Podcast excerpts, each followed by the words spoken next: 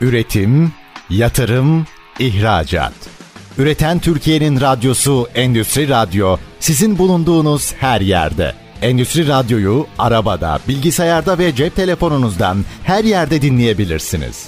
Endüstri Radyo.com Doktor Cüneyt Dirican'ın hazırlayıp sunduğu Kobilerin Koçu Finans Doktoru programı başlıyor. Kobilerin Koçu Finans Doktoru'nda ben Cüneyt Dirican. Hep beraber yine bugün çok keyifli bir sohbete inşallah birlikte tanık olacağız, şahit olacağız ve dinleyicisi olacağız diye ümit ediyorum. Şu anda radyolarını açanlar için de tekrardan sağlıklı, mutlu, keyifli ve verimli bir gün diliyorum. Çok değerli bir konuğumuz var. Aslında hepinizin bence ekranlardan yakinen tanıdığı, özellikle ekonomi piyasalar deyince akla gelen sayılı isimlerden bir tanesi. Benim de hem meslektaşım hem değerli dostum Bursa Uludağ Üniversitesi İktisadi ve İdari Bilimler Fakültesinden değerli hocamız doçent doktor Filiz Er Yılmaz hocamız bizlerle birlikte. Bugün e, Filiz hocamızla şöyle biraz dünya meselelerini konuşalım, tartışalım istedim. Kendisi de sağ olsun bizi kırmadı, geldi. Dolayısıyla Filiz hocam hoş geldiniz diyorum. Merhabalar Cüneyt hocam, iyi akşamlar. Değerli dinleyenlerimize de iyi akşamlar. Ayrıca başlangıçtaki nazik sözleriniz için de çok teşekkür ederim hocam. Çok çok sağ olun. Her zaman hocam her zaman. Sizinle e, birlikte farklı televizyon programlarında da bir arada olmuştuk. Bugün Endüstri Radyo'da ilk defa bu vesileyle benim programımda yine bir arada olduk. Kırmadığınız için teşekkür ediyorum. Şimdi hocam sizi tabii televizyonlardan insanlar tanıyor. Bir akademik kimliğiniz de var ama Filiz Er Yılmaz kimdir? İsterseniz şöyle bir özgeçmişi alalım. Hangi alanlarla ilgilenir? Mesela test konusu nedir? Ee, hani biraz şöyle yakinen tanıyalım isteriz. Siz hani bize bunlardan biraz bahsederseniz ondan sonra sohbetimizin geri kalan kısmında sanıyorum herkesin merakla beklediği doğru geçiyor olabiliriz. Tabii hocam. Ben hocam 1982 Aydın doğumluyum. İlk orta ve lise eğitimimi Aydın'da tamamladım. Sonrasında 2000 yılında Uludağ Üniversitesi İktisat bölümünü kazandım e, ve 2004 yılında mezun oldum. Hedefim hep akademik kariyerdi. Fakat yüksek lisans açılmaması sebebiyle 2004 sonrasında hemen akademik kariyere başlayamadım. Bir açık öğretim kursundan teklif aldım yüksek lisansı beklerken. Bir yıl orada hocalık yaptım. Ve 2005'te de yüksek lisansa başladım ve bir ay sonra da hemen kadro bulabildim hocam. Ve 2006 yılının başında araştırma görevlisi olarak başladım. 2000 hocam 5-2008 döneminde yüksek lisans tezimi yazdım. Yüksek lisans tezimde hisse senedi piyasalarında işlem hacmiyle volatilite ilişkisi arasında bir çalışma yaptım. Ve o dönemde İMKB'di. İMKB'de bu konuyla ilgili bir ekonometrik çalışma yapmıştım. Yani şunu merak ettik. Acaba işlem hacmi yüksek diye mi o hisselere yöneliliyor yoksa hisseler değerli olduğu için mi, fiyatları arttığı için mi, getirileri arttığı için mi oraya yöneliyor? Bu meseleyi araştırıp etkin olup olmadığına bakmıştık borsanın. Sonrasında hocam 2008 yılında doktoraya başladım ve 2014 yılında tamamladım. Doktora tezim politik konjonktür teorileri ama daha günlük hayata çevirecek olursak seçim ekonomisi çalıştım aslında ben. Ve Türkiye'de 1980-2012 yılları arasında göreve gelen iktidarların seçim ekonomisi uygulayıp uygulamadığını ekonometrik bir modelle test etmiştim. Dolayısıyla çok boyutluca, etraflıca politik iktisat perspektifinden yola giderek seçim ekonomisini daha böyle anlamaya çalıştık diyebilirim. Sonrasında hocam yaklaşık bir iki, iki buçuk yıl araştırma üyesi doktor olarak yine görevime devam ettim. Bu arada benim bölümüm iktisat, ana bilim dalında iktisat politikası. 2016 yılında hocam doktor öğretim üyesi oldum ve sonrasında 2021 yılında da doçent olarak oldum ve hala görevime devam ediyorum hocam. Uludağ Üniversitesi'ndeyim.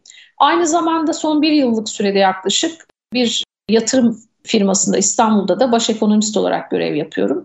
Dolayısıyla bir yönümle akademiyi, bir diğer yönüyle de piyasayla ilgili işlerimi götürmeye çalışıyorum hocam.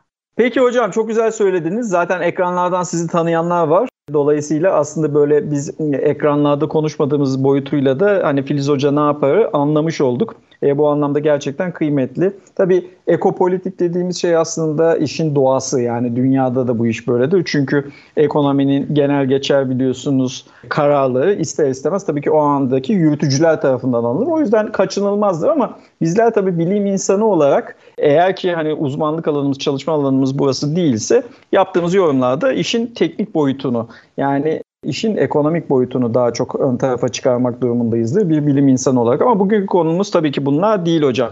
Şimdi Bizi dinleyenler için şöyle de bir hatırlatma yapayım. Aslında iki aydınlı arasında şu anda bir program geçiyor. Dolayısıyla dilek tutmak isteyenler de varsa dileklerini tutabilirler diyeyim. Benim de hani baktığınız zaman Aydın tarafından bir geçmişim olması vesilesiyle iki aydınlının şu anda herhalde keyifli bir programına şahit oluyordu diye ümit ediyorum bizi dinleyenler. Hocam şimdi çok konuşulacak konu var. Nereden başlasak nasıl başlasak Bodrum Bodrum diyoruz ama tabii ki işin esprisi bir tarafa.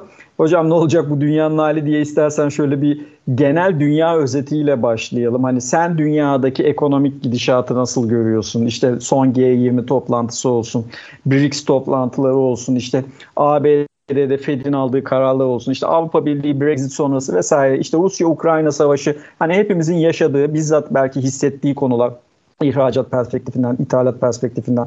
Belki hani bir sokaktaki esnafımızın farklı boyutlardan hissettiği olsun işte enerji fiyatları nedeniyle gibi gibi. Sen dünyadaki gidişatı bu anlamda ekonomik olarak nasıl görüyorsun hocam? Evet hocam yani şurası net. Dünyadaki hem son dönemde ekonomik hem de siyasi bağlamda aslında gidişatı ciddi anlamda değiştiren, yapısal kırılma yaratan iki temel olay yaşadık yakın vadede. İlki hiç kuşkusuz pandemiydi. Daha henüz pandeminin yaralarını sarmamışken bir de üzerine Rusya-Ukrayna savaşını yaşadık. Dolayısıyla bu iki gelişme sonrası dünya hem ekonomik hem de siyasi olarak artık eski dünya değil. Dolayısıyla yeni normlar ya da yeni dünya düzenine alışmamız gerekecek. Zaten tam da son dönemde bahsettiğiniz bu gelişmeler bu yeni normların ne olacağı, nasıl şekilleneceği ve bu yeni normlarda kim nerede yer alacak bunun belirlenmeye çalışıldığı bir süreç. Şimdi pandemi bize şunu getirdi. Aslında pandemi bir ekonomik kriz yarattı. Sağlık krizi olarak başladı ama ekonomik kriz olarak devam etti. Fakat ekonomik krizler bağlamında zorluğu şu oldu. Hem ekonomilerin talep tarafında bir kriz yarattı hem de arz tarafında. Talep tarafında şöyle kriz yarattı. İnsanlar işte dışarı çıkamadılar, karantinalardaydı. İş yerleri kapandı, insanlar işsiz kaldı, harcayamadılar. Dolayısıyla taleplerini artıramadılar ve tüketimde ciddi bir azalmanın olması talep yanlı bir krizi ortaya çıkardı. Asıl aslında pandeminin en büyük sıkıntısı arz yönlü krizdi. Dünya e, böylesi bir krizde 1971-72 OPEC krizi sonrası karşılaşmıştı. Aslında belki de ekonomilerin en çözemediği nokta. Dolayısıyla özellikle bu pandemiyle birlikte tedarik zincirlerinin bozulması, insanların ölmesi, malların, aramalların üretilememesi ve dünyada ihtiyacı olan yerlere gidememesi sebebiyle üretim yapılamadı. Bu da ciddi bir arz sıkıntısı oluşturdu. Haliyle Doğru. bu hem talep tarafındaki problem ki daha da önemlisi arz tarafındaki problem dünyaya bir hediye sundu. Hediyenin adı da enflasyon. Dolayısıyla pandemi sonrası işte Amerika gibi, Almanya gibi, İngiltere gibi birçok ülkede enflasyonun yükselmesinin sebebi maliyet kaynağı. Yani aramalı üretilemediği için, aramalına ulaşılamadığı için, e bir de pandemi olduğu için güvenli liman talebinin de yarattığı etkilerle birlikte enerji emtia fiyatlarının yükselmesi ciddi bir kriz yarattı. Dolayısıyla hem enflasyon yaratırken aynı zamanda talep azaldığı için, tüketim azaldığı için ekonomilerde ciddi bir büyüme problemi meydana geldi. Sonrasında artık pandeminin de işte bulunan aşılarla birlikte yavaş yavaş geride bırakılmasıyla artık dünya açılmaya başladı ve o açılmayla birlikte tüm ekonomiler kollarını sıvadı. Parasal genişlemeyle işte hükümetlerin yapmış olduğu desteklerle birlikte ekonomilerin işte bu istihdam tarafı, üretim tarafı toparlanma çabasına girdi. Tabii pandeminin açılmasıyla birlikte zaten hali hazırda bir maliyet enflasyonu vardı. Bir de bunun üzerine talep enflasyonu eklenmeye başladı. Haliyle ekonomiler tam pandemiden çıkarken zaten önünü göremedikleri bir süreçte Rusya-Ukrayna savaşı geldi. Tabii Rusya-Ukrayna savaşı ile birlikte ikinci bir maliyet şoku enflasyonu daha da yukarı itti. Çünkü Rusya bildiğimiz gibi enerji emtiyada dünyanın en büyük ihracatçısı. Batı ile olan arasındaki çekişme, yaptırımlar enerji emtia hem de savaşla birlikte tarihi zirvelere çıktı. Haliyle bu da başta Avrupa olmak üzere tüm dünya ekonomisinde enflasyonu yukarı iten ve aynı zamanda büyümeleri olumsuz anlamda etkileyen bir diğer gelişme oldu. Sonrasında Rusya-Ukrayna savaşından sonra da işte ufak ufak artık özellikle 2021'in sonu gibi hatta 2022'nin ortası gibi ufak ufak artık bu Rusya-Ukrayna savaşı her ne kadar sahada çatışma şeklinde devam ediyor olsa da aslında ufak ufak geride bırakıldı. Belirli düzeyde bir daha normalleşme de görüldü diyebilirim aslında ama hala dünya şu an neyle savaşıyor? Hala pandemiden bu yana gelen işte Rusya-Ukrayna savaşıyla daha da alevlenen enflasyonu çözme noktasında. İşte Amerika'ya bakıyoruz. Amerika %2'de hala ısrar ediyor. son 40 yılın en ciddi faiz artışını yapıyor olmasına rağmen hala istediği noktada değil. Avrupa'ya bakıyoruz. Avrupa'da işler daha da kötü. En azından Amerika hala ekonomisi güçlü. İş gücü piyasası oldukça iyi ve enflasyonda da hat sayılır bir yol aldı. Yani yumuşak iniş senaryosuna daha yakın. Amerikan ekonomisine genel olarak baktığımızda aslında şu an yani çok güçlü resesyon emaresi görünmüyor. Dolayısıyla benim de beklentilerim bu yönde ki birçok kurumda da böyle bir beklenti var. Yani 2023'ün sonu 2024'ün ilk çeyreği gibi hafif atlatılacak bir resesyonla Amerika enflasyon meselesini belirli ölçüde çözmüş olacak. Ama Avrupa'ya baktığınızda işler çok kötü gidiyor. Bir kere son gelen ekonomik büyüme ve büyüme öncü göstergeleri başta Almanya olmak üzere çok ciddi bir resesyon emaresi gösteriyor ki zaten Almanya ve Euro bölgesi teknik olarak resesyonda yani birinci çeyrek, ikinci çeyrek 2023'te negatif geldi. Teknik resesyona girdiler ama bu iş teknik resesyonun çok ötesine gidebilir. Özellikle son gelen işte PMI rakamları, işte bugün gelen beklenti endeksi hepsine baktığımızda Avrupa'nın işi hiç kolay görünmüyor. Şimdi bir tarafta ekonomilerde resesyon tehlikesi var. Öbür tarafa bakıyorsunuz. Peki enflasyon nasıl gidiyor dediğimiz Avrupa'da? Enflasyonda seviye olarak Amerika'ya göre daha yüksek. Özellikle çekirdek enflasyon ve inatçılık da daha katı görünüyor Avrupa tarafında. Dolayısıyla bir tarafta enflasyonu yeteri kadar çözememiş ama öbür tarafta da resesyon emarlarının çok güçlü olduğu bir Avrupa var. Şimdi ne yapacak Avrupa? En azından bu yılın geri kalanında resesyonu mu tercih edecek? Yani evet. daha güvercin mi gidecek yoksa enflasyonu mu tercih edecek resesyona rağmen daha şahit mi gidecek? Burada tabii önemli olan parite meselesi.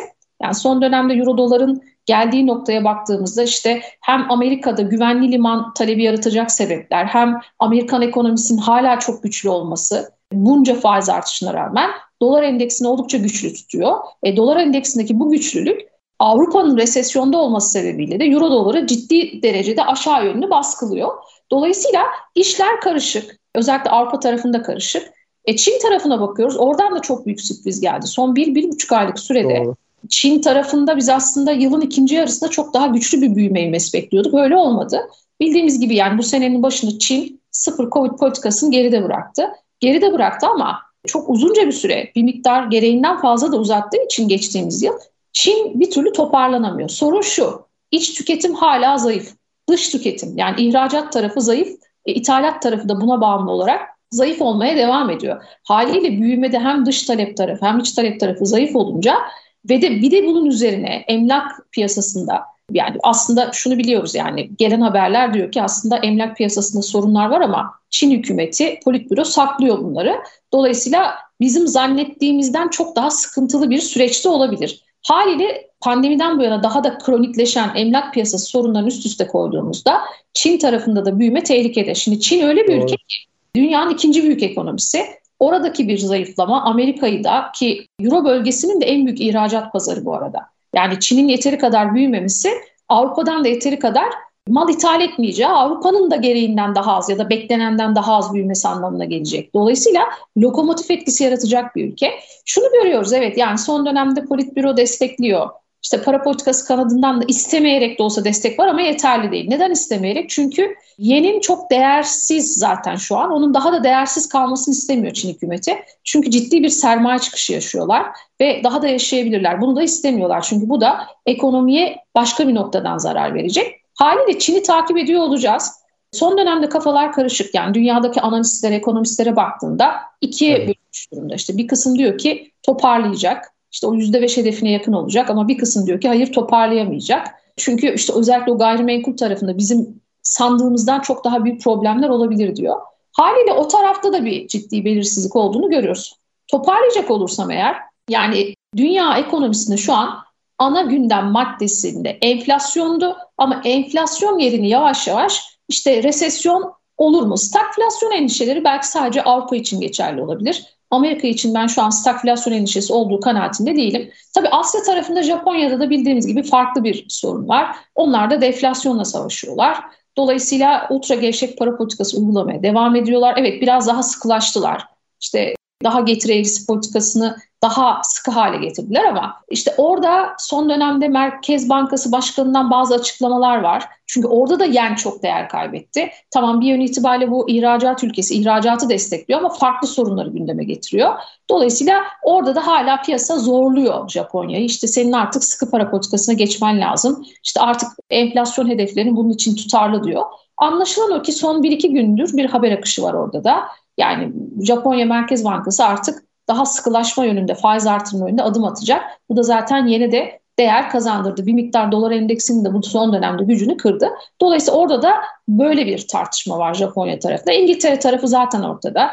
Yani her ne kadar dünyada ilk pandemi sonrası faiz artıran gelişmiş ülke Merkez Bankası olsa da enflasyon orada aynı Avrupa gibi oldukça katı. Dolayısıyla onlar da hem bir taraftan ekonomik büyüme ilişkin göstergeler bir taraftan da katı olan ve göreli olarak hala yüksek seviye olan enflasyonla mücadele ediyorlar. Dolayısıyla şimdi yavaş yavaş artık bu seneyi sonlandırıyoruz. 2024 yılında şunu konuşacağız hocam.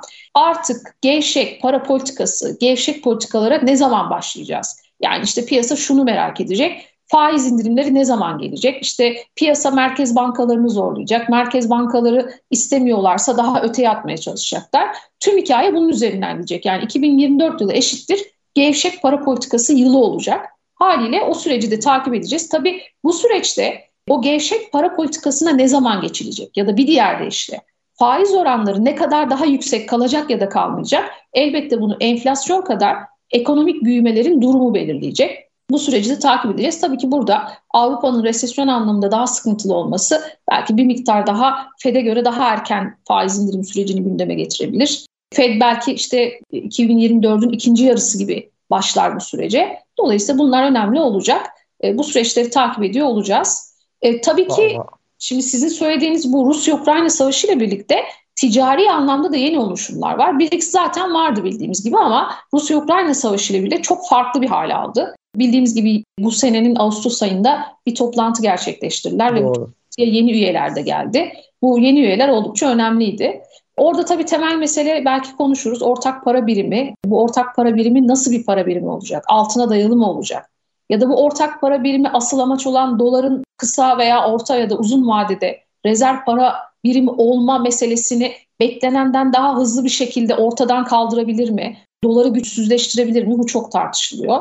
Bunun yanı sıra işte... Hocam tam o noktada tam o noktada isterseniz sözünüzü balla kesmiş olayım. Hani işte Filiz Hoca farkı diyeyim. Yani gerçekten ilk bölümde dünyadaki gelişmeleri özellikle şu son 3-4 senede yaşadıklarımızı böyle hani tam 10 numara ve 10 yıldız şeklinde anlattınız. Yani öğrencileriniz gerçekten şanslı ama bir reklam molasına gideceğiz. Bir de böyle tam böyle yine değişik, kıymetli ve çetrefilli bir konuya girdiniz. O yüzden çok da bölmek istemedim ama kaçınılmaz son bir nefeslenelim çünkü hassas ve derin bir konuya giriyoruz. Yani dolar hegemonyası dünyadan kalkacak mı ya da nasıl etkilenecek, nasıl şekillenecek? Onu isterseniz reklamdan sonra konuşalım eğer uygun görürseniz. Tabii ki uygundur benim için. Evet hocam çok teşekkür ediyoruz. Yani gerçekten öğrencileriniz bu anlamda hani çok şanslı. Dolayısıyla bir reklama gidelim isterseniz. Reklamdan sonra en çetrefilli, en heyecanlı konulardan birine giriş yaptınız. Dolar hegemonyası bitiyor mu? Veyahut da işte dolarla ilgili dünyadaki süreç ne şekilde şekillenecek? Keza OPEC'in aldığı kararlar, G20'deki gelişmeler, işte Afrika Birliği'nin doğuya dahil edilmesi gibi. Bunları isterseniz ikinci bölümde hani daha detaylı konuşuyor olalım. Bir de tabii çok kritik noktalara temas ettiniz. Bizim en büyük ihracat pazarımızda şu anda başta Almanya olmak üzere işte resesyon, durgunluk gibi sıkıntılar var. O yüzden e, sanıyorum bizi dinleyenler bazı kafalarındaki soru işaretleri için yeterince cevap aldılar diye düşünüyorum. İkinci bölümde tekrardan bir arada olalım. Üretim, yatırım, ihracat. Üreten Türkiye'nin radyosu Endüstri Radyo sizin bulunduğunuz her yerde. Endüstri Radyo'yu arabada, bilgisayarda ve cep telefonunuzdan her yerde dinleyebilirsiniz. Endüstri Radyo.com İyi olacak Kopi'nin radyosuna kadar gelen programda ben Cüneyt Dirican. Bugün radyosunu ilk defa açanlar için veyahut da podcastimizi buradan dinlemeye başlayanlar için bir hatırlatma. Ekranlarda gördüğümüz değerli yorumlarıyla ve derin analizleriyle böyle e, ekranlarda böyle can kulağıyla dinlediğimiz bir isim bizlerle birlikte. Değerli hocamız doçent doktor Filiz Er Yılmaz Bursa Uludağ Üniversitesi'nden İktisadi İdari Bilimler Fakültesinden bizlerle birlikte. Kendisi ilk bölümde bize çok güzel bir dünya ekonomik gidişatı ile ilgili özet verdi. Şimdi ikinci bölümde merak edilen konulardan bir tanesini konuşacağız. Bu petrol krizi 70'li yıllara benziyor demişti hocamız. E, keza işte BRICS dediğimiz işte Brezilya'nın, Güney Afrika'nın, Hindistan'ın, Çin'in ve Rusya'nın oluşturduğu birliğe şu anda yeni üyeler dahil edildi biliyorsunuz. 2024 yılı itibariyle oradaki üye sayısı artacak. Karşısında G20 belki buna cevap olma niteliğinde Afrika Birliği gelişmekte olan bir diğer pazarı Afrika Birliği olarak G20'nin arasında dahil etti son Hindistan'daki toplantıda. Böyle doğuda bir şeyler oluyor, Çin'de bir şeyler oluyor. Hocamız orayı da çok güzel özetledi. Başta emlak krizi olmak üzere Çin'in kendi içerisinde başka sıkıntıları var. Artan nüfusa karşılık artan borçluluk oranı yani son 4-5 yılda Çin'in kamu borcunda çok ciddi bir artış var. E, orada gölge bankacılık var tabii haliyle Çin'in yönetim şeklinden kaynaklı başka temel sıkıntılar var. Dolayısıyla bütün bunları hani doğu tarafında bir potansiyel varken aynı zamanda sorun teşkil ediyor. Çin'le Hindistan'ın arasında hocam siz de hani çok iyi biliyorsunuz, takip ediyorsunuz zaten değerli yorumlarınızdan görüyoruz. Çin'le Hindistan arasında biliyorsunuz bir harita krizi var. Bir taraftan Çin'le Tayvan arasında e, hala hazırda bir kriz var. Belki bir hani olmaz inşallah ama Rusya Ukrayna 2 gibi bir noktaya gitme olasılığı var. Japonya'dan çok güzel bahsettiniz. Orada da işte Merkez Bankası'nın tahvillerle ilgili olarak ve enflasyona deflasyona yönelik olarak almış olduğu çeşitli karar ve onun piyasaları yansımaları var. E, Japon ev kadınları biliyorsunuz bizi yakinen ilgilendiriyor çünkü bizim hazine bonolarını alıyorlar almıyorlar. TL'yi satıyorlar falan hani biz bazen burada onu hissediyoruz fazlasıyla gibi. Böyle o tarafta hem bir potansiyel fırsat var hem bir hani tehdit var. Afrika pazarı işte orada da Nijer'de, Gabon'da biliyorsunuz farklı farklı gelişmeler var. Özellikle eski Fransız sömürgelerinde e, uranyum enerji tarafından ya da altın tarafından gelişmeler var. İşte Rusya'nın orada varlığı veyahut da hani e, yaptığı işlemler, hareketler söz konusu. E, diğer taraftan bakıyorsunuz ABD'nin kendi içerisinde hani istihdam güçlü de olsa kendi içinde başka gelgitleri, sıkıntıları var. E, bir tarafta Arjantin hepimizin yakinen takip ettiği işte enflasyon e, ve hani kur faiz e, sarmalı içerisinde orada bir aday var. İşte yıl sonunda belki işte Milei dediğimiz aday orada seçilecek ve hatta çok iddialı söylemleri var. Ben sizden çok çalmayayım. Biraz katkı koyayım dedim ama buradan şuya bağlayacağım. Hocam şimdi ilk bölümde aslında sormuştum bu dünya nereye gidiyor diye. İkinci bölümde isterseniz böyle OPEC, G20, BRICS, bu dolar ne olacak? Dolarizasyon bitiyor mu? İşte ne bileyim belki BRICS'in parası mı çıkacak onun yerine mi geçecek? Çin yuanını benzer şekilde kullanmaya çalışıyor çeşitli pazarlarda buna Arjantin'de dahil. Hani o taraflarda bizi ne bekliyor? Yeni bir şeyler bekliyor mu? Sürpriz var mı? Ya da bir sıkıntı mı var? Bir fırsat mı var? Hani sizin değerli görüşlerinizi alayım istiyorum. Tabii hocam öncelikle siz de çok güzel özetlediniz. Sizin de ağzınıza ve aklınıza sağlık. Ben de e, sizin görüşlerinizden çok faydalandım. Şimdi ilk olarak aslında şöyle başlayalım. Yani sağ olun hocam. Sağ olun. BRICS'i konuştuk. Çünkü Ağustos ayında yeni bir toplantı yaptılar. Özellikle toplantı öncesi BRICS'in yeni bir ortak para birimi çıkaracağı ve bu ortak para biriminin de altına dayalı olma ihtimali güçlü görülüyordu. Burada da temel sebep şu. Yani BRICS oluşturan ülkelere baktığımızda dünyada altın ticaretinin ve altın rezervinin en güçlü olduğu ülkeler. Zaten son 2-3 yıllık dönemde güçlü altın alan piyasadan merkez bankaları işte Çin Merkez Bankası bizde dahil olmak üzere merkez bankaları. Dolayısıyla bu ülkelerde çok güçlü bir altın rezervi var ve buna dayalı olarak da özellikle doların bu hegemonyasını kırma adına bir adım atmak istiyorlar. Zaten yani BRICS evet bir ticari anlaşma, ekonomik boyutu olan bir anlaşma, bir topluluk ama aslında politik olarak baktığımızda Amerika düşmanlığının birinci sırada aslında bu grubu bir araya getirdiğini söylemek bir yön itibariyle çok yanlış olmaz. Tabii Rusya-Ukrayna Savaşı sonrasında işte Batı bloğu, Batı bloğu karşısında da Rusya'nın olması, işte Rusya'nın Çin'i destekliyor olması elbette BRICS'i anlam olarak çok daha farklı bir yere getirdi ve çok daha önemli bir hale getirdi. Dolayısıyla Rusya-Ukrayna Savaşı sonrası BRICS'in alacağı yol çok daha önemli hale geldi ve çok daha hızlı burada aslında gelişmeler olduğunu da görüyoruz. Şimdi şöyle söyleyeyim açıkçası ben son bir yıllık süre öncesi bu soruyu bana sormuş olsaydınız belki e, BRICS ve işte BRICS'in atacağı adımların e, dolar üzerindeki etkisi noktasında bu kadar çok e, güçlü bir etki beklemediğimi söyleyebilirim. Ama son dönemdeki bu noktada atılan adımlara baktığında evet kısa vadede şurası net buradan e, çok iyi adımlar geliyorsa da ortak para birimi adına bunun açıkçası kısa vadede doların o rezerv para olma özelliğini kırabilmesi çok mümkün gibi görünmüyor. Ama orta vadede bence e, beklenilenden çok daha hızlı bir etki alınabilir. Burada da temel sebep biraz önce de söylediğim gibi özellikle Rusya üzerine Batı'nın bu yaptırımları ve işte e, bu yaptırımların e, Rusya istiyor olsa da bir türlü bunun kaldırılmıyor olması. Bu noktada Rusya'nın kendi bloğunu çok hızlı bir şekilde toparladığını görüyoruz aslında. Dolayısıyla orta vadede işler değişebilir diye düşünüyorum. Tabii burada şey çok kilit olacak. Şimdi doları dolar yapan şey özellikle petrolün ticaretinin dolar üzerinden yapılıyor olması. Artık şu noktaya geldik ki bence bu çok hızlı bir evrim oldu. BRICS ülkeleri kendi aralarında petrol ticaretini kendi para birimleri üzerinden yapmaya başladılar. Artık doları kullanmamaya başladılar. Bence bu çok önemli bir adım oldu. Hatta son dönemde işte Suudi Arabistan'ın da yeni üyeler arasında olması da bence bu noktada oldukça kilit. Ve özellikle bu petrol ticaretinin dolarla değil de farklı para birimleriyle ki kendi aralarında da bu yaratacakları ortak para birimiyle yapılacak olması önemli olacaktır. Tabii şunu hani hemen akıllara şu geliyor. Hatırlayalım yani Avrupa Birliği kurulurken de temel amaç aslında doların hegemonyasını kırmaktı. Fakat bunu başaramadı Euro. Neden başaramadı? Orada bir miktar Avrupalı ülkelerin her ne kadar ekonomik anlamda e, bir takım hedefleri olsa da milliyetçilik duygularının öne geçiyor olması ve bu nedenle de o bir türlü ortak para birimi ruhunu e, manen de olsa e, bir yön itibariyle de parasal aktarım mekanizmaları bağlamında da yaratamamış olmaları.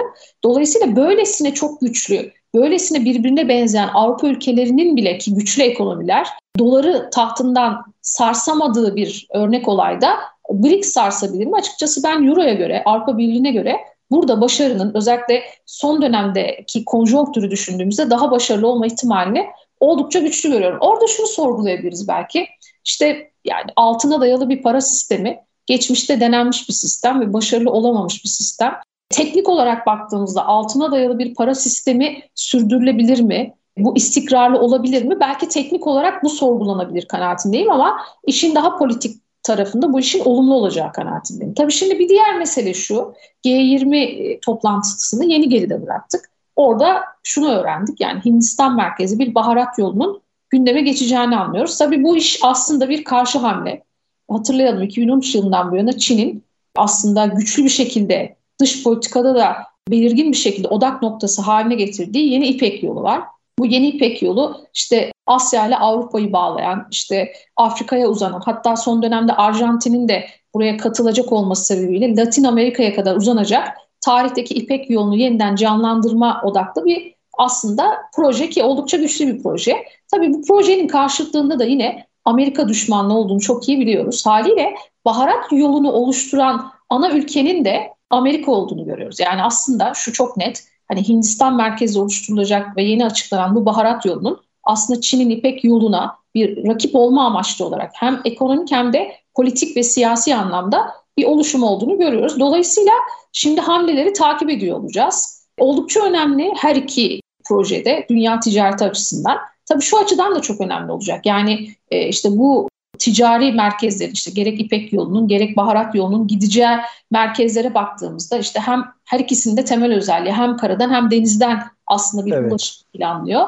Ve ana merkezlere baktığımızda dünyanın ekonomik anlamda da önemli merkezlerini aslında birbirine bağladığını görüyoruz. Dolayısıyla o noktada da bizi e, bu noktada Çin ve Hindistan merkezli bir yeni karşıt çatışmanın beklediği bir süreç oluşturacak. Şöyle ilginç taraf var yani her iki ülkede aynı zamanda da BRICS ülkesi, BRICS üyesi.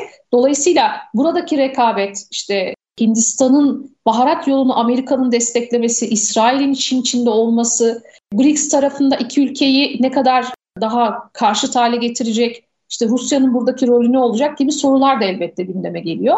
Haliyle bu tarafı da bekleyip göreceğiz. Ama şurası net, dünya bu Amerika'nın tek taraflı, tek kutuplu ekonomik anlayışını ve Amerika'nın bu ben merkezci politik müdahalelerinden artık sıkıldı. Dolayısıyla artık bu noktada da şurası net biraz önce de söylediğim noktaya geri geliyorum ama kısa vadede belki etkilenmeyecek bir dolar olsa da orta vadede bence etkilenecektir diye düşünüyorum. Tabii burada doların gücünden bahsediyorsak tabii şunu da konuşmak gerekir diye düşünüyorum. Özellikle tabii. bu blockchain teknolojisi de bence dolar karşısında doları gücünü azaltma karşısında önemli bir teknoloji olabilir. Tabii burada kripto paralardan aslında bahsetmiyorum çok. Çünkü kripto paralar güvensiz olması hasebiyle birçok ülkede kullanılıyor olsa da birçok ülke tarafından yasaklanıyor. Burada önemli olan kripto paraların temelini oluşturan bu blockchain teknolojisinin kullanıldığı kripto değil ama dijital paralar. Her ülkenin kendisine ait dijital paraları doları ne kadar yerinden veya tahtından ne diyelim sarsabilir buraya bakmak lazım. Tabii kriptoları da çok Doğru. küçümsememek lazım. Evet Doğru. güvensiz varlıklar, evet çok volatil varlıklar ama buna rağmen kripto paralar da bence bana kalırsa işte işlem maliyetinin olmaması,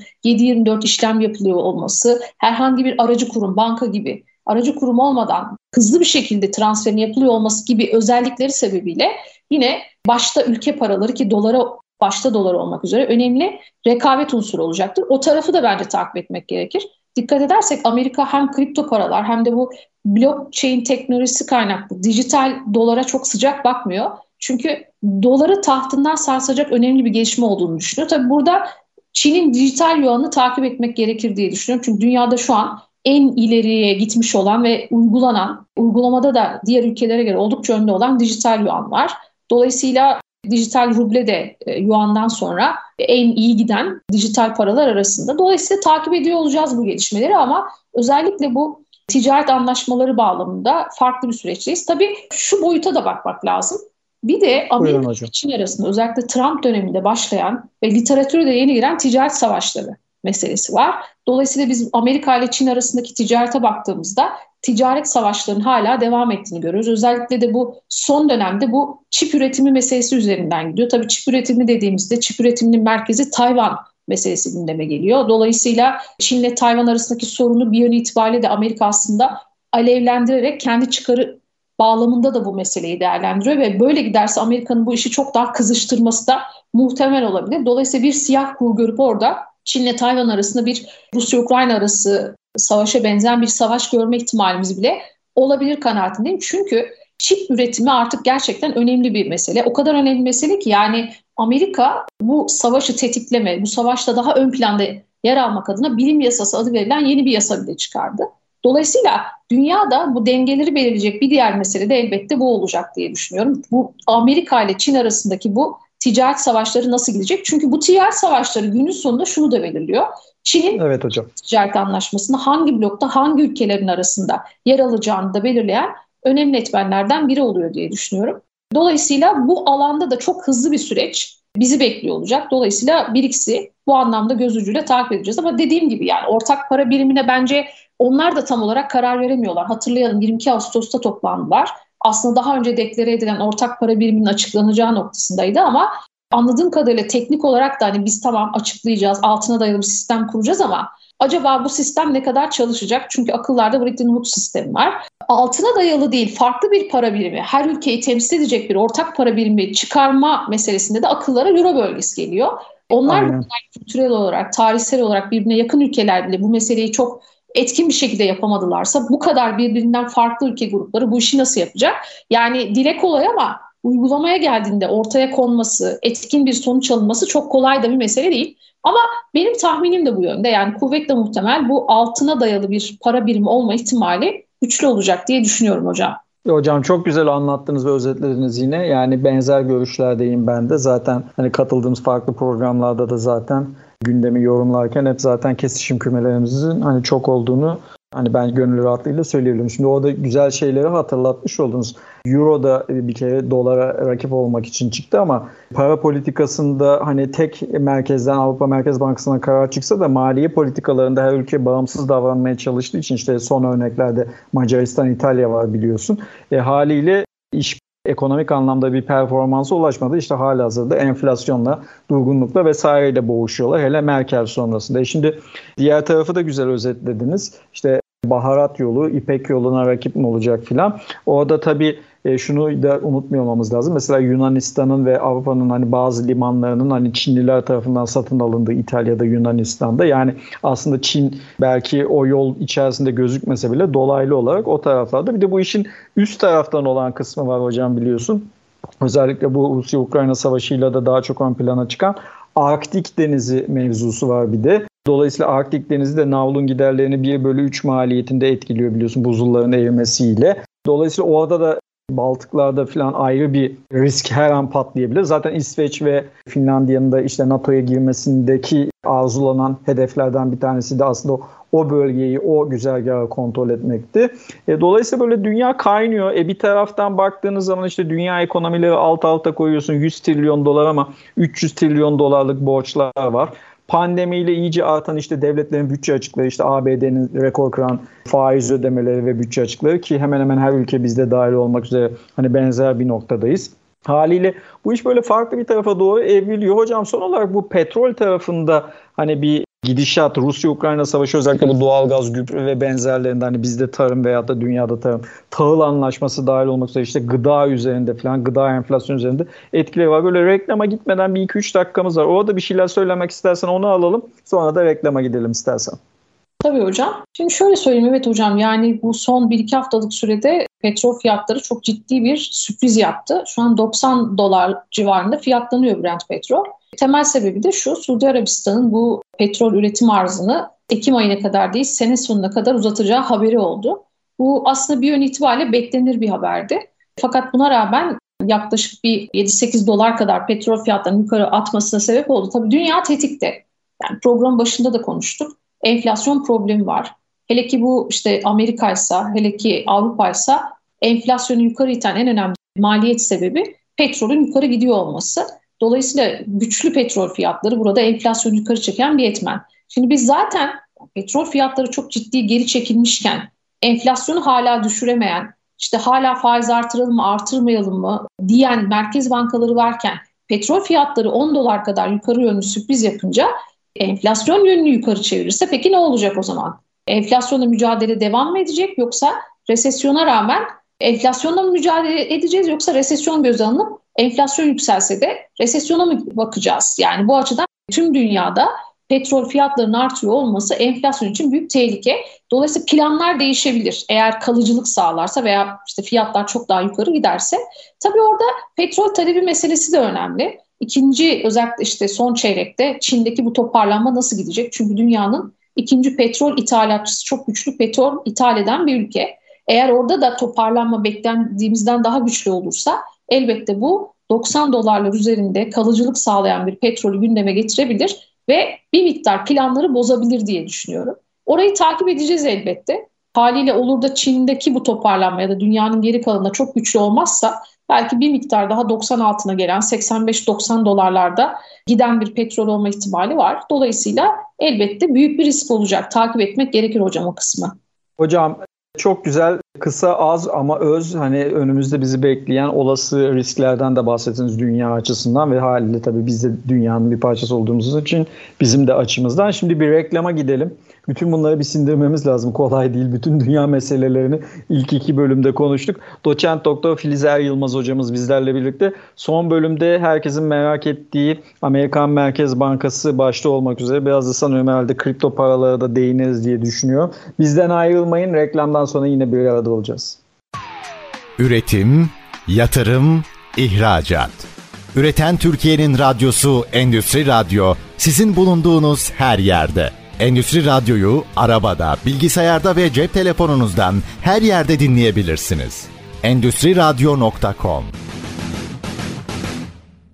Kobilerin Koçu Finans Doktoru'nda ben Cüneyt Delican. Bugün çok kıymetli bir hocamız. Ekranlardan bildiğiniz, severek dinlediğiniz, can kulağıyla dinlediğiniz bir isim bizlerle birlikte. Bursa Uludağ Üniversitesi'nden, İktisadi İdari Bilimler Fakültesinden doçent doktor Filiz Er Yılmaz hocamız bizlerle birlikte. Hocamla dünyayı şöyle bir dünya meselelerini masaya yatırdık ama sanıyorum herkes bu Amerikan doları ne olacak? Amerikan Merkez Bankası Fed ne yapacak? Amerikan ekonomisi ne oluyor? İşte Atlantik'in diğer tarafında ya da diğer taraftan bakarsak Pasifik'in öte tarafında. Onu da merak ediyor diye düşünüyorum. Hocam şimdi oraya girmeden soruya girmeden evvel şöyle bir ABD özeti vereyim. Sen de biraz nefeslen dinlen istedim. Şimdi ABD'de kredi kartları rekor kırıyor. 1 trilyon doları geçti.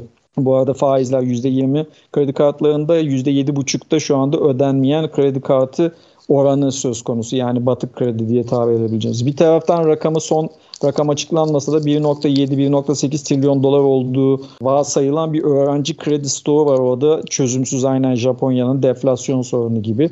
E diğer taraftan bakıyorsun hani enflasyon yine yukarı yönlü gidiyor başta enerji olmak üzere ama bir taraftan tabii 300 milyar dolara ulaşan ABD'nin faiz ödeme yükü, dolayısıyla bütçe açıklarının yükü bu Fed'in faiz politikasıyla iyice aştı. O da bütçe açıklarında biliyorsunuz rekorlar kırıyorlar. Bu sene 1,5 trilyon dolara giden bir rekor bütçe açığı var. Kümülede işte 33 trilyon dolara giden malum bir hani kamu borçluluk oranı ve önümüzdeki yıl bir sene içerisinde 7,5 trilyon dolarlık bir tahvil yenileme ihtiyacı söz konusu. E bir taraftan Suudi Arabistan, Çin, Japonya son bir yılda yaklaşık 1 trilyon dolar ABD tahvili sattı ki faizlerin zaten tahvil faizlerinin buraya gelmesindeki önemli değişkenlerden biri. Yılbaşından bu yana Fed bilançosunda 650 milyar dolar ABD tahvili sattı ama bir taraftan da ABD'nin böyle borçlarını yenilemesi gerekirken bir yandan da stoğu koruyabilmesi gerekiyor. Çünkü hızla bütçe açığı vermeye devam ediyorlar. Ekonomilerinde de tabii işler çok parlak değil. Hani günün sonunda Çin'le kavganın bir sebebi de o. Dış ticaret açığı biliyorsunuz Çin'e çok yüksek. Özetle şimdi bütün bunların içerisinde Fed tabii enflasyonla mücadele edeceğim diye faiz arttırıyor kendi tarafından hani bir merkez bankasının ortodoks para politikasının anlayışının hani birinci kuralı gereği veyahut da gereksinimi gereği. Bu iş nereye evrilecek hocam? Yani şimdi Fed bir yandan duracak diyorlar, bir yandan arttırmaya devam etmek zorunda diyorlar. Bir yandan işte sen önümüzdeki sene faizleri düşürmek durumunda bütün dünya başta Fed olmak üzere dedin ama bu ABD ekonomisiyle birlikte hani Fed ne yapar, ne yapmaz? Hani bize biraz o kısımlardan da bahsedersen sevinirim. Çünkü aslında merak edilen soru şu. Tabii ki bunlar bir yatırım danışmanlığı tavsiyesi değil ama hani doların yönü haliyle ihracatçının, ithalatçının, bizi dinleyen kobi patronunun özellikle diyelim ki aramalı alıyor veyahut da yatırıma girecek. Haliyle işte o geçişkenlik bizdeki cari açık, oradan enflasyon etkisi falan ister istemez insanlar bunu merak ediyor. Biz tabii bunu daha çok ekonomik perspektiften de değerlendirelim. Hani piyasa perspektifinden değil. Sen nasıl görüyorsun hocam? Tabii hocam yani öncelikle ağzınıza sağlık. Çok güzel özetlediniz hocam siz de süreci. Şimdi şöyle söyleyeyim evet bir Fed belirsizliği var. Ama bence bu Fed belirsizliği işte Fed'in ek bir 25 bas puan faiz artırıp artırmaması ile ilgili olmamalı. Piyasa burada bence bir miktar hata yapıyor. Bence burada önemli olan artık şu raddeye geldik diye düşünüyorum. Fed'in bu yükselttiği faizleri ne kadar daha uzun süre tutacağı bence asıl şahinlik veya da güvercinlik meselesini belirleyecek nokta. Yani şöyle bir modda oluşmaya başladı. Bence doğru bir modda. Seviye değil süre önemli. Yani bir tane artırıp artırmamaya odaklanmayın. Biz ilk faiz indirimini ne zaman yapacağız? Buraya odaklanın. Dolayısıyla bir miktar bence piyasa burada yani işin ana hikayesini, ana ruhunu kaçırıyor diye düşünüyorum. Tabii mesele şu, şimdi artık şurası netleşti. Artık Fed Eylül ayında pas geçecek. Bence bu yüzde yüz. Kasım ayında gelen verilere bağlı olarak bir 25 bas puan gelir yoksa pas mı geçer orada bir belirsizlik var. Zaten bence Fed yapacaksa Kasım'da yapacak muhtemelen. Hani Aralık'ta da elbette tabii verilere bağlı, veri bağımlı giden bir Fed var ama kuvvetle muhtemel eğer istediği gibi gitmezse işler Kasım ayında gelir. Tabii şimdi işler Fed'in çok da istediği yönde gitmiyor. Neden gitmiyor? Bir kere Fed'in şikayetçi olduğu bir yer var enflasyonla ilgili. Ona da yeni bir kavram yaratıldı bu arada. Bu kavram Krugman'la Fed'in yarattığı bir kavram. Süper çekirdek adı verilen son dönemde yeni bir enflasyon tanımı yarattılar. Süper çekirdek dediğimiz şey şu. Çekirdek hizmet enflasyonundan barınmayı çıkardığınız zaman geriye kalan çekirdek hizmet enflasyon. Neden barınmayı çıkarıyorlar? Çünkü barınma tarafı kolay tepki vermiyor para politikasına. Çok gecikmeli geliyor. Dolayısıyla o bizi yanıltabilir. Peki neden çekirdek hizmet, çekirdek mal değil ya da genel çekirdek tüfe değil? Çünkü Amerikan ekonomisi bir hizmet ekonomisi. Hizmet ağırlıklı bir ekonomi ve Amerika'da sorun enflasyonun kaynağı olarak ücretlerin güçlü olması. Ücret demek emeğin karşılığı, emek yoğun sektörlerde maliyetin yüksek olması ve bu maliyet kaynaklı enflasyon yüksek olması. Hizmet sektöründe ağırlıklı olarak emek yoğun çalıştığı için e, o ücretlerin yüksek olması, haliyle iş gücü piyasasının sıkı olması, işte istihdamın güçlü olması, işsizliğin düşük olması, ücret öncü göstergelerinin güçlü olması çekirdek hizmet enflasyonunu yukarıda tutan, yukarı iten bir etmen. Dolayısıyla Fed ağırlıklı olarak buraya bakıyor aslında son dönemde. Fakat son Jackson Hole toplantısında Ağustos'ta Fed dedi ki benim endişelendiğim bir yer vardı ama bir yer daha geliyor endişe, bana endişe veren. O da güçlü talep. Şimdi şunu görüyoruz. Amerika'da ekonomik büyüme ve büyüme öncü göstergeleri hala güçlü. Dolayısıyla güçlü ekonomi demek güçlü mal ve hizmet tüketen ekonomi demek. Talep yaratan ekonomi demek enflasyonu yukarı itmek demek. Şimdi dolayısıyla Amerika bundan da çok rahatsız olmaya başladı. Zaten hali hazırda iş gücü piyasası çok sıkı. Dolayısıyla ücretler iyi, reel gelirler iyi, harcamalar iyi. E bir de bunun üzerine zayıflayan ekonomide yeniden güçlü emareler ortaya çıkınca Amerika tedirgin oldu. Bir de bunun üzerine üçüncü bir etken geldi. Biraz önce konuştuk hocam. Bu Suudi Arabistan'ın petrol arzını kısmasıyla 90 dolar üstüne 90 dolarlar civarına yerleşen petrol fiyatları. Şimdi dolayısıyla bunlarla beraber Amerika'da işte uzunca bir süredir TÜFE tarafında, ÜFE tarafında yıllık bazda biz geri çekilmeleri görüyoruz. Fakat şimdi mesela yakın vadede gelecek enflasyon beklentilerine baktığımızda yukarı yönlü ivme olabilir. Şimdi toparlayayım. Dolayısıyla Amerika ne de çok ısrarcı yüzde iki enflasyona geri döndüreceğim ben diyor. Şimdi dolayısıyla da bu noktada ne gerekirse yapacağım diyor. Şimdi enflasyon seviyesine bakıyorsunuz. Tamam yani manşet tarafta yüzde üçler, çekirdek taraf bir miktar daha yüksek ama kalıcı, inatçı, yakın vadede bırakın düşmeyi biraz önce anlattığım nedenlerle yukarı gidebilir. Böyle olursa ikinci bir 25 bas puan gelebilir. Dediğim gibi buraya çok takılmamak gerekir. Ama tabii piyasa da şöyle değerlendiriyor. Evet, diyor hocam.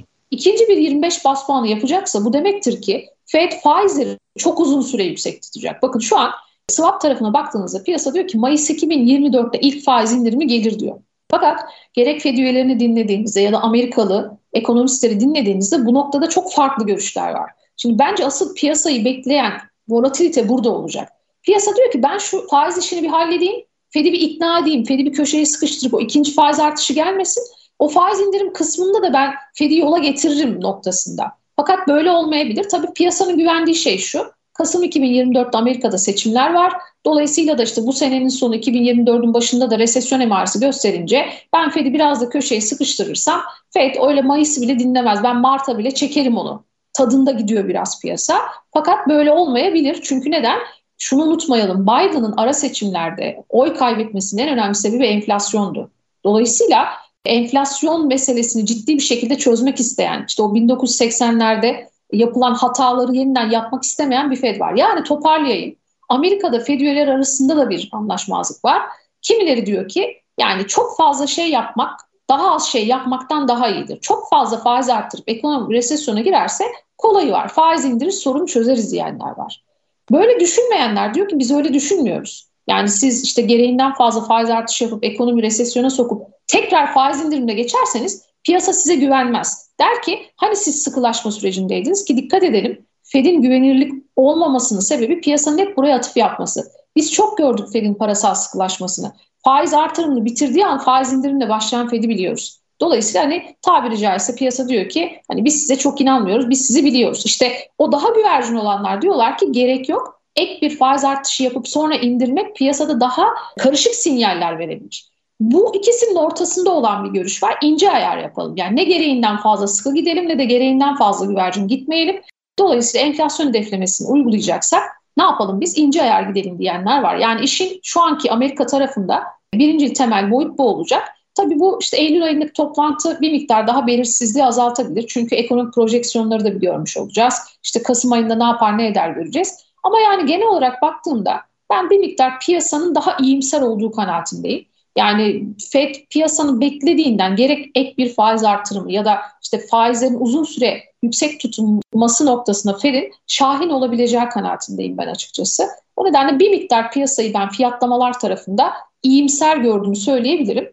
Tabii şu mesele de çok önemli. Bazıları diyor ki yani Fed hata yaptı. Nerede hata yaptı? O, ona da bir değinmek istedim. Çok ilginç bir tartışma. Çok Tabii ilginç hocam buyurun, buyurun lütfen. Mesela bundan iki ay önce Fed dedi ki ben duruyorum. Ama duruyorum ama ekonomi projeksiyonları açıkladı Haziran'da. Dedi ki 50 bas puanla da geleceğim. Nokta grafikler bunu söyledi.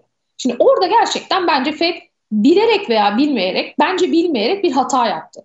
Eğer siz yılın geri kalanında 50 bas puanlık artışı öngörüp o toplantıda geçiyorsanız para politikasının gecikmeli etkilerini göreceğim diyerek ben bunu anlamam. Yani 25 bas puanlık bir tahminle gelirsiniz bunu anlarım. Ama 50 bas puanlık bir tahminle gelip pas geçmeyi anlamıyorum. Şimdi kimileri diyor ki Fed orada bir blöf yaptı.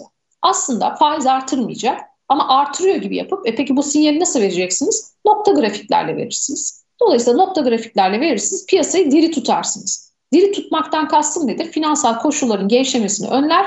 Talep yönlü enflasyon varsa da bastırırsınız veya olacaksa da onun önlemini almış olursunuz. Şimdi diyorlar ki iki ay önce FED bu belirsizliği yaparım da yapmayabilirim de ben veri bağımlıyım her şeyi yapabilirim tarzındaki aslında o piyasanın kimilerince çok rasyonel olarak görüldüğü tam bir merkez bankası dersi olarak gördüğü şey aslında bir belirsizlik bir blöf. Şimdi geldiğimiz noktada Jackson Hole'da da bir itirafta bulundular diyenler var. Onlar da diyor ki aslında Fed belirsizliğin içine düştü. O belirsizliği araç olarak kullanan Fed şimdi asıl belirsizliğin içinde. Dolayısıyla aslında Powell çaresizdi Jackson Hole'da ya da işte geçmişten farklı çok bir şey de söylemedi. Dolayısıyla şu an gerçekten belirsiz olan, gerçekten ne yapacağını bilemeyen bir Fed var diyenler de var açıkçası. Ama şundan eminim elbette e, yani bir miktar bu hani her tartışmaya belli noktalarda haklı olduğu kanaatindeyim ama şundan çok eminim. Artık Fed üyeleri arasında ciddi bir heterojenleşme var. Tıpkı Avrupa Merkez Bankası üyelerinde olduğu gibi. Dolayısıyla mesela Wall Street Journal'da bir makale yayınlandı. Hem de Fed'in kalemi tarafından şunu söylüyor. Diyor ki Eylül'de pas geçeceğiz netleşti. Fakat Fed üyelerindeki ayrışma, kimin galip geleceği, Kasım ayında veya işte bu yılın içinde ek bir 25 bas puan artışı gelip gelmeyeceğini belirleyecek. Şahin bir kamp var, daha güvercin bir kamp var. Biraz önce söyledim. Yani hiç az yapmaktansa çok yapmak daha iyidir. Gerekirse düşürürüz diyen bir kamp. Diğer tarafta da yok öyle değil. Karışık sinyaller veririz. Gereğinden fazla sıkı gitmeye, ekonomiyi boğmaya, fazla soğutmaya da gerek yok diyenler var.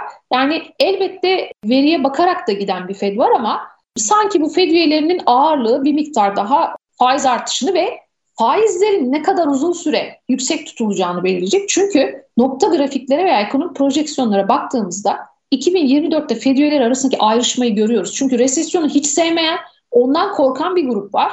Resesyona karşı enflasyon konusunda ısrarcı bir grup var. Dolayısıyla veri bağımlı Fed'e yani kararları veri bağımlı alacak bir Fed'in yanına üyelerin hangi grubun daha zafer ilan edeceği de bir miktar bence etkili olacağı kanaatindeyim. Dolayısıyla ben kendi beklentimi söyleyeyim. Eylül'de pas geçer, Kasım'da verilere bakar gerçekten. Veri gerektirirse o 25 bas puanı yapmaktan çok imtina eden bir Fed olmayabilir. Ama faiz indirimi konusunda çok emin olamayabiliyorum. Çünkü öyle veya böyle bir e, seçim var ve Biden'ın ekonomiye geliş retoriğine bakalım. Ben bu ülkeye istihdam kazandıracağım, ekonomiyi tam istihdama getireceğim diyen bir Biden var. Dolayısıyla Biden'ın görev süresi değerlendirilirken seçim öncesi dönemde istihdam ne kadar yaratıldı, ekonomi hangi durumda elbette resesyon kadar bunlar da önemli olacağı için o seçimin olması tüm ülkelerde olduğu gibi bir miktar Fed'i e, olması gerekenden daha erken faiz indirim sürecine de başlatabilir. Çünkü şunu biliyoruz para politikasının gecikmeleri etkileri faiz artırım sürecinde olduğu gibi faiz indirim sürecinde de ortaya çıkacak. Tabii burada ne belirleyecek? İşte Amerika'da gerçekten güçlü bir resesyon olur mu olmaz mı? Şimdi verilere bakarsak olmayacak gibi görünüyor. Mesela Atlanta Fed diyor ki şu an e, yılın 3. çeyreğinde Amerikan ekonomisi %5.4 büyüyecek. Onun inanılmaz iddialı bir rakam. Dolayısıyla işte kimileri diyor ki iş gücü piyasası şu an bozulmadı ama bozulmaya başlarsa çok hızlı bozulacak diyen var. Kimileri diyor ki Philips eğrisini artık unutun. İşsizlikle enflasyon arasındaki o korelasyon bitmiştir. İşsizliğin yerine neyi koyun? Açık iş ilanlarını koyun açık iş ilanlarıyla enflasyonu kıyaslayın. Philips eğrisi artık çöp diyenler var. Eğer bu cepheden bakarsanız diyor açık iş ilanları azalıyor artık. İş gücü piyasası soğuyor diyenler var. Tabii burada Çin ne yapacak? Avrupa ne kadar büyüyecek? Bu büyümeler ya da daha az büyüme ya da daha çok büyüme Amerikan ekonomisine nasıl yansıyacak? Elbette bunlar da Fed'in alacağı kararlarda önemli olabilir. Ama ben beklentimi söyleyeyim. Yani sanki Mart ya da Mayıs gibi Fed'in faiz indirmeye hani her şey değişebilir tabii bilmiyoruz. Siyah kuğular olabilir, veriler çok farklı gelebilir. Şimdiki projeksiyonla bakarsam eğer Mayıs 2024 gibi de yani ikinci çeyrek gibi de Fed faiz indirmeye başlar diye düşünüyorum ben hocam. Hocam çok güzel özetledin. Programın ve bu bölümünde sonuna gelmiş olduk. Ben o noktada hemen bu kaydı aldığımız andaki Twitter'daki veri akışlarını ABD'den söyleyeyim. Şimdi Zero Hedge diye malum bir Twitter hesabı var. Özellikle bu küresel piyasalarla ilgili başta ABD ekonomisi olmak üzere tweet atan. Orada geçen eski Arkansas guvernörü yani politikacı ABD'li Cumhuriyetçi Parti kanadından Hutchinson şöyle bir şey demeç vermiş. Fed'in faiz artışları nedeniyle Powell bir an evvel kovulmalı tarzında denmiş. Biz seninle bu kaydı alırken 90 dolarlık Brent petrol 92 doları gördü. Sanıyorum 100 bandına herhalde gidecek. Yani bu program yayınlandığında belki 100 doları petrolde görüyordu olabiliriz bilmiyorum. Tabii ki bunlar bir yatırım tavsiyesi danışmanlığı değil. Son olarak da yine Cumhuriyetçi kanattan daha doğrusu Senato tarafından etkili isimlerden bir tanesi McCarthy ABD'de Biden'ın oğlu kendisinin Obama hükümeti döneminde bakan olduğu dönemde başta Ukrayna olmak üzere biliyorsun iddialar vardı. Oğlunun şirketlerine yönelik e, devlet işleriyle ticari ilişkilerini birbirine karıştırdı diye. ABD'de bu biliyorsun suç biliyorsun başkanlarda. Onunla ilgili soruşturma açılması ile ilgili olarak e, şu anda hani işler biraz ciddileşmeye başlıyor gibi. Çok güzel özetledin. Dediğin gibi yani bizi böyle ABD tarafında, dolar tarafında da değişik günler bekliyormuş gibi bir ajanda var.